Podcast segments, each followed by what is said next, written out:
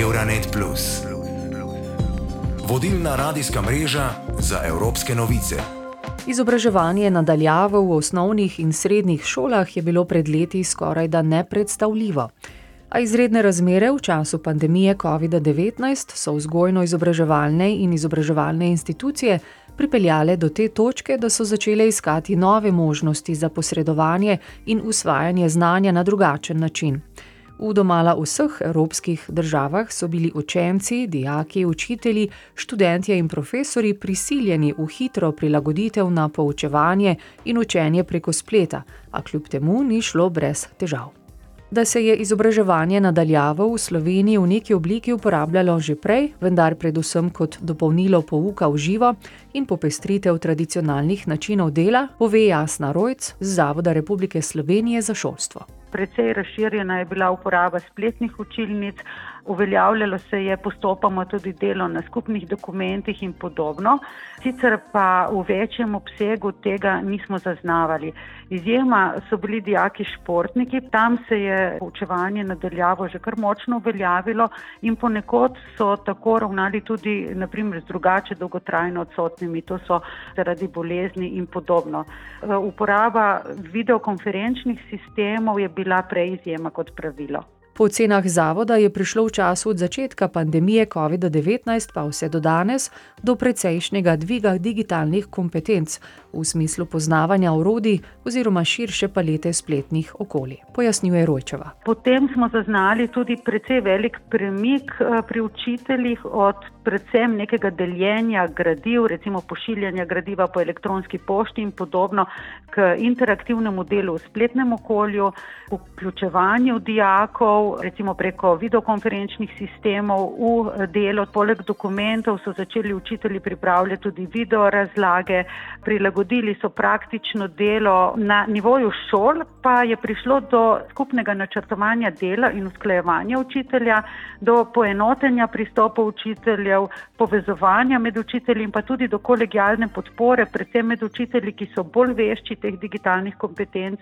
tistimi, ki imajo tukaj še nekoliko težav. Največja novost, ki je bila v družbi v tem času zaznana, je po besedah Rojčeve prišlo do zavedanja, da je pouk v šoli, ki poteka v živo, izjemnega pomena, ne zgolj zaradi pridobivanja znanja, temveč tudi zaradi široke palete učinkov, kot je socializacija, učna in psihosocialna podpora, vrstniška interakcija in podobno. Med strokovnjaki Zavoda za šolstvo se je v okviru prilagoditev izobraževanja nadaljavo zaradi izrednih razmer v družbi oblikovalo sodelovanje tudi strokovnjaki iz drugih institucij. Na začetku prvega vala so strokovnjaki Zavoda za šolstvo sodelovali z Ministrstvom za šolstvo in pa tudi z NIJZ-jem, tako da so šole usmerjali in podpirali z priporočili, ki so se sproti prilagajala.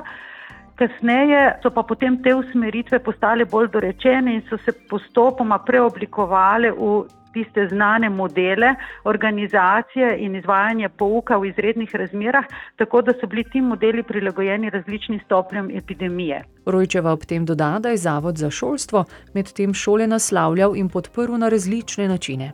Z raznovrstnimi posveti in usposabljanji, tako za ravnatelje, kot za učitelje in druge strokovne delavce. Učitelje smo podpirali tudi v, v spletnih skupnostih, pa tudi svetovanji posameznim ravnateljem in učiteljem.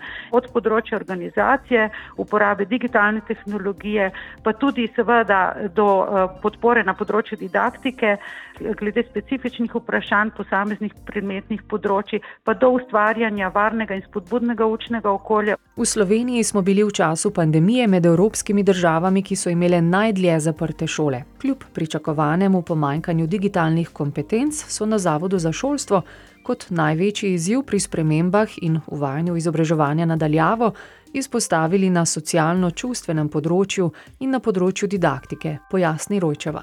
Na socialno-čustvenem področju gre za vprašanje, kako podpreti dijake za spopadanje z novimi okoliščinami, kako zaznavati njihove stiske, kako jih blažiti, oziroma kako jih preprečevati.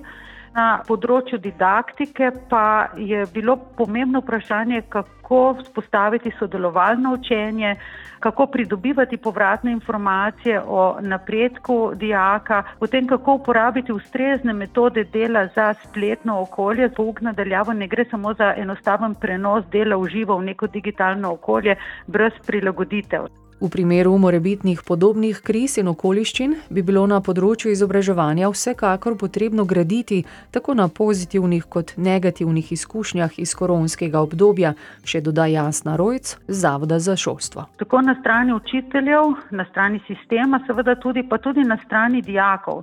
Tako pri učiteljih kot pri dijakih bi bilo potrebno sistemsko razvijati potrebne kompetence.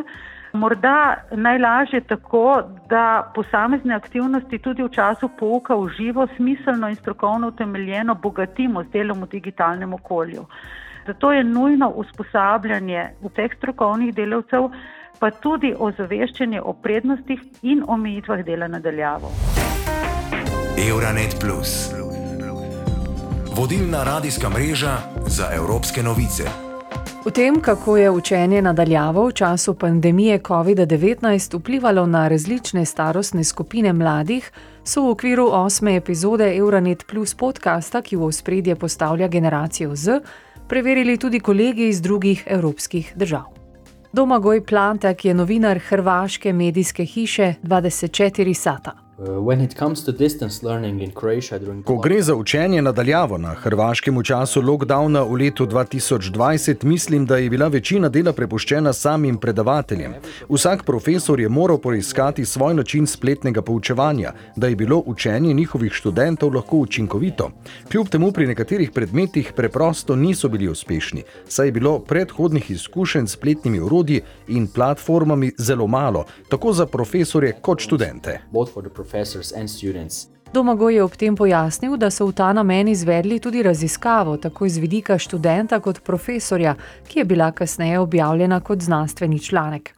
Rezultati so pokazali, da je bila vsaka visokošolska ustanova na Hrvaškem sama zase, da jim je vlada sicer podala nekaj splošnih smernic v okviru izvajanja COVID-19 ukrepov, kot v vsaki drugi državi, a da so največ truda v to, da je bilo učenje nadaljavo, kolikor toliko mogoče in učinkovito kot klasično učenje, uložili profesori sami.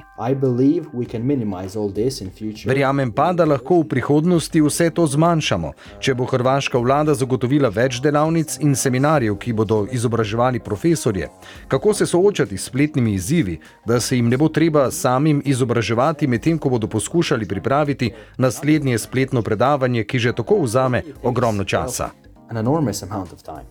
Za našo bolgarsko partnersko postajo BNR je spregovorila Denislava Angelova, predsednica združenja Touch the Rainbow. Ali v prevodu Dotakni se Maurice in bolgarski upravičenec v digitalni izobraževalni platformi Smart in Education Active in Sport. Ali v prevodu Pametni v izobrazbi aktivni športu. V sodelovanju z organizacijami iz Srbije, Španije in Romunije v okviru programa Erasmus. Новите технологии са изключително полезни в подпомагането Nove tehnologije so izjemno uporabne pri podpori učnemu procesu, predvsem pri učenju tujih jezikov. Toda biti v šoli, videti učitelja, slišati, kaj govori, učiti se lekcij iz učbenika je nenadomestljivo. Verjamem v otroke Bolgarije, verjamem, da jim je treba dati priložnost, da se rešijo klišejev in verjamem, da jim je treba dati priložnost, da oblikujejo svojo prihodnost. Glas mladih v Bolgariji mora biti slišan in da bi bil slišan, moramo sprostiti ušesa in preseči svoj ego. Vsi skupaj lahko naredimo nekaj veliko boljšega. Vsi zajedno možemo, da napravimo nekaj pohobov. Svetoslav Dijak 91. nemške gimnazije v Sofiji se v luči učenja nadaljavo znotraj svoje starostne skupine vendarle dojema drugače, kot jo opredeljujejo družba in strokovnjaki. Prvo, zdaj, zdaj kot zombi. Второ, не мисля, че съм към тази група, защото първо обичам да чета книги. Prvič zveni kot zombi, drugič mislim, da spadam v to skupino, ker rad berem knjige. Ko smo na spletu, je malo drugače, ker med uro ne moremo komunicirati med seboj in je malo bolj dolgočasno. Čudno je biti nenehno pred računalnikom, naprimer ne moreš iti ven in se ne moreš pogovarjati s prijatelji in iti nekam skupaj. Nekateri učitelji dajo različne projekte, naprimer dali so nam nemško gledališče, ki ga je nasplošno mogoče izvajati na spletu, vendar ne bo tako zabavno. Na spletu je teže študirati in veliko več gradiva lahko zamudiš. Sam sem se poskušal naučiti vsega, kar sem se lahko, a je še vedno lažje, ko predavanje poteka v živo.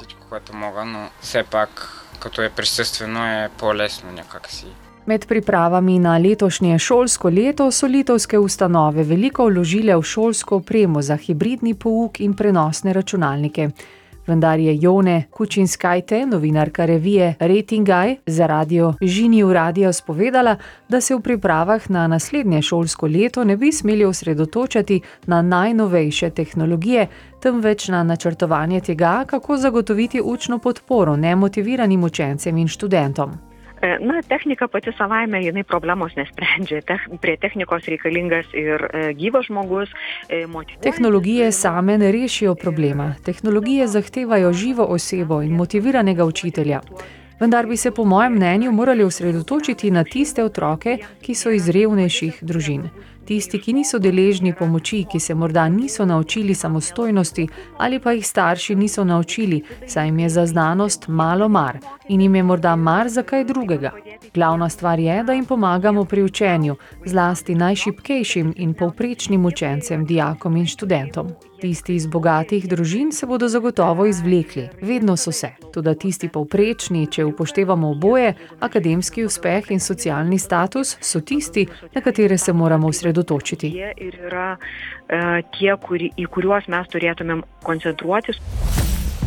Euronet Plus za boljše razumevanje Evrope.